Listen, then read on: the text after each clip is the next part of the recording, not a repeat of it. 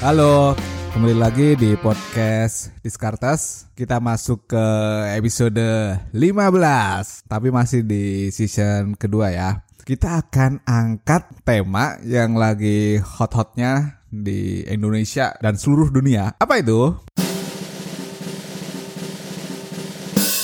Jadi judulnya adalah Mission on Passion. Wow, makin menggila nih judul-judul kita nih.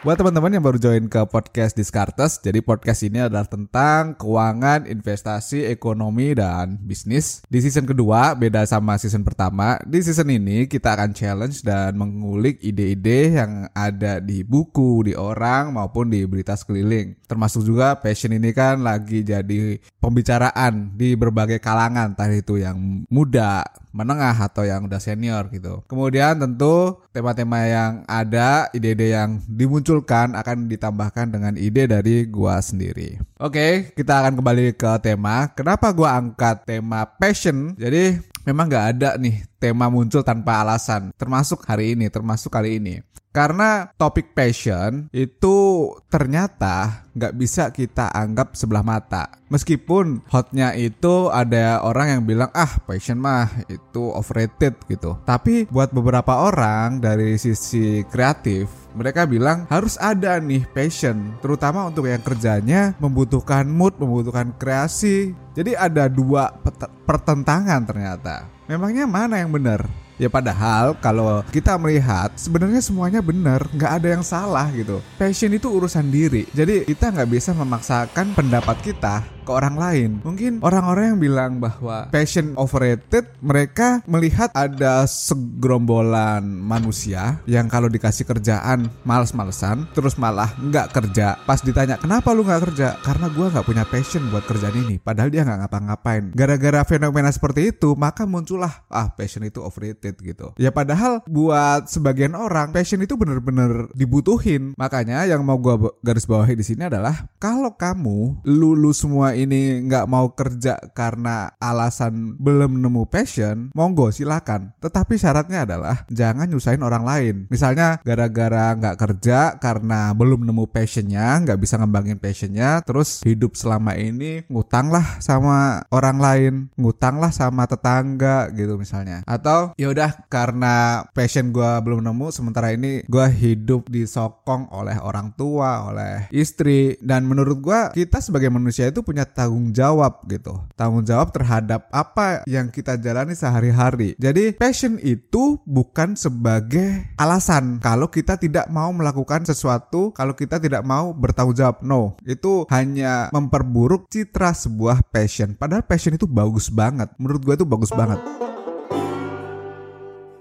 ketika mempelajari passion ini, gue ngebaca buku Grit, The Power of Passion and Perseverance karya Angela Duckworth. Jadi di buku ini ada beberapa poin yang ternyata gue sepakati nih dengan pemikiran si Angela ini. Misalnya yang berhubungan sama talenta, berhubungan sama bakat. Jadi tanpa usaha, bakatmu itu nothing. Mau lu seorang pebasket yang luar biasa jago atau programmer yang jenius, tapi kalau nggak ada usaha sama sekali, ya nanti suatu saat akan ada orang yang lebih jago daripada lu. Bisa gue bilang ketika itu terjadi, maka momen-momen lu dianggap sebagai orang bertalenta akan berakhir. Terus kata si Angela lagi, tanpa usaha, skill yang lu punya tidak bisa menyelesaikan masalah apa pun dan tidak akan terasah. Ya, karena nggak ada usaha berarti stagnan di situ. Garis bawah dari omongan si Angela adalah dengan adanya usaha, bakat akan menjadi skill sekaligus dalam waktu yang sama menjadi skill yang produktif. Jadi ketika si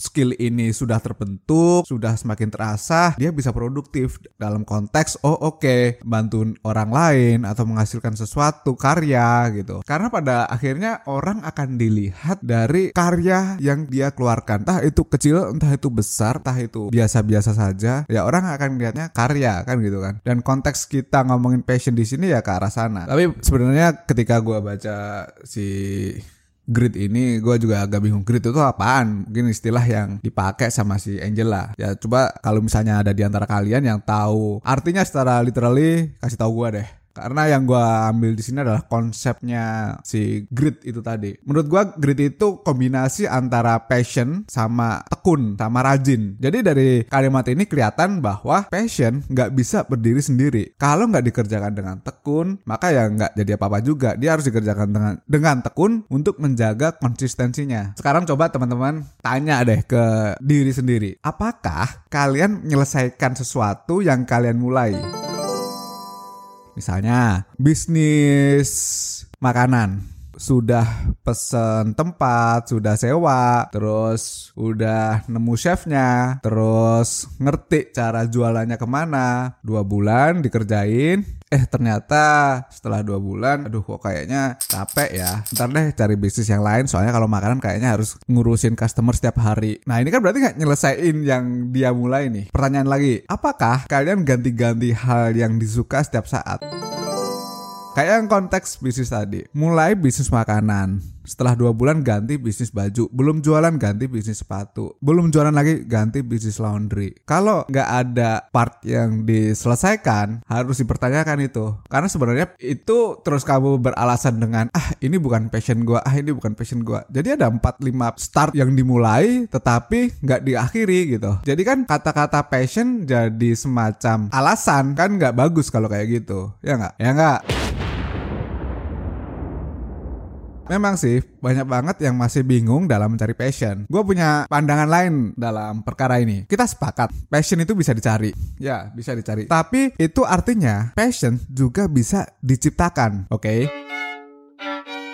Kita sepakat nggak soal ini? Jadi dua-duanya ini harus kita sepakati. Udah pernah denger kalimat ini belum? 10.000 jam akan menjadikanmu expert. Jadi orang yang melakukan hal yang sama secara konsisten selama 10.000 jam, maka dia bisa dianggap sebagai seorang expert. Kalau hitungannya sehari 8 jam, terus sebulan ada 20 hari kerja, maka artinya itu cuma butuh waktu dua setengah tahun. Itu konteks orang kerja. Misalnya, orang jadi akuntan sudah dua setengah tahun. Ditambah lagi dia juga belajar pas kuliah. Nah sebenarnya kan skill skillnya udah makin terasa tapi dia merasa nggak ke mana-mana karena passionnya nggak diciptakan. Padahal udah ada rutinitas produktif yang sudah dilakukan. Gue yakin kalau misalnya dia menumbuhkan passion di pekerjaan yang dia lakukan selama dua setengah tahun itu mungkin dia akan lebih menikmati hidup gitu. Buat gue menumbuhkan passion itu nggak kalah penting dari mencari passion karena tidak semua orang langsung diberkahi gift untuk tahu passionnya. Misal si akuntan tadi pasti kalau ada orang yang bilang nih ah kerjaan lu kan akuntan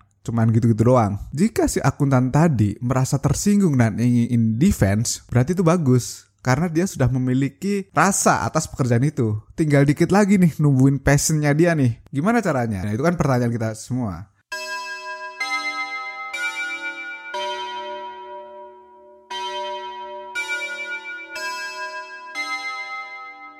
Sebenarnya gairah itu bisa muncul ketika kita ngasih target ke diri sendiri. Sehari-hari misalnya jadi akuntan tadi, kenapa nggak dijadiin target? Oh ya, gue harus expert baca laporan keuangan agar nanti sekalian jadi investor. Jadi target diri sendiri. Target itu nggak perlu didiskusikan dengan orang lain. Cukup kita aja yang tahu. Jadi yang kamu kerjakan itu tidak sekedar kerja untuk orang lain, tetapi ternyata berguna untuk pertumbuhan perkembangan. Sekarang kita akan bicara konteks bagaimana memaksimalkan passion untuk mengembangkan diri, untuk menambah cuan. Gimana? Yang pertama adalah ciptakan atau kembang.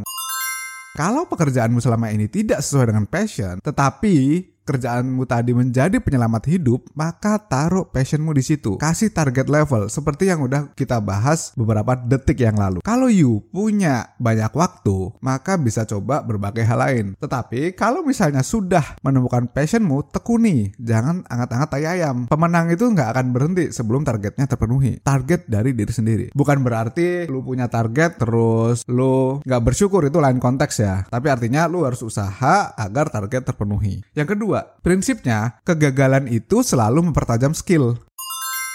Orang yang kerja itu nggak akan bisa langsung bagus di pertama kali. Proposal yang kamu bikin juga nggak akan langsung diterima pertama kali. Jadi berapa kali kita bisa belajar dari sebuah kegagalan. Kenapa? Karena gagal itu bagus. Kita jadi tahu di mana weakness kita, di mana kelemahan kita. Karena kita perlu gagal untuk mengetahui hal itu. Yang bisa menilai kan pihak eksternal. Kalau kita hanya melihat diri kita sendiri, kita nggak akan bisa mengakui, oh iya gue tuh gagal. Enggak. Jadi selalu kita membutuhkan koreksi dari orang lain. Kegagalan itu salah satu koreksinya. Kemudian yang ketiga, ketiga, passion nggak perlu ada di kerjaan utama.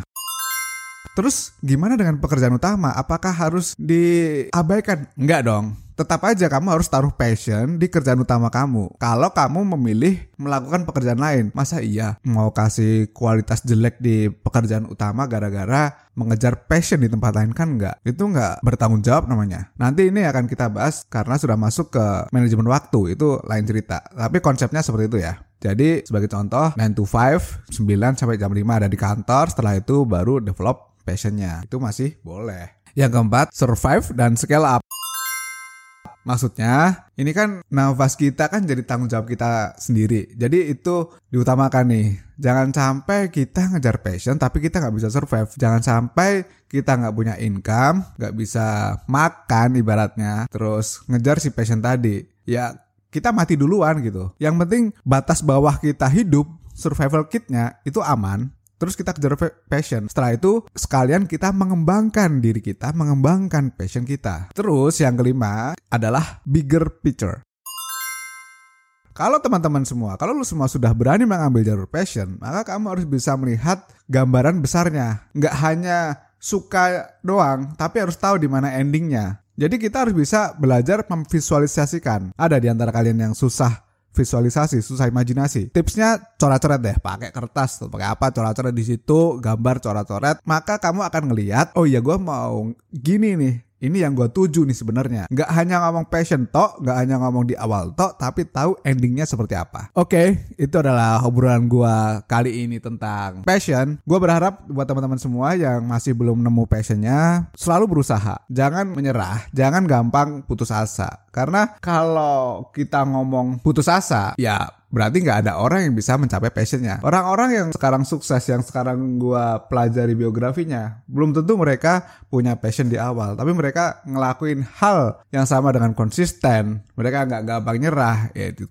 itu penting banget. Jadi mereka survive, mereka mengembangkan diri mereka sendiri, dan mereka menjadi inspirasi buat semua orang. Mudah-mudahan kalian juga menjadi inspirasi buat orang-orang di sekitar Oke, sampai jumpa lagi di podcast Discartes episode selanjutnya. Thank you and bye-bye.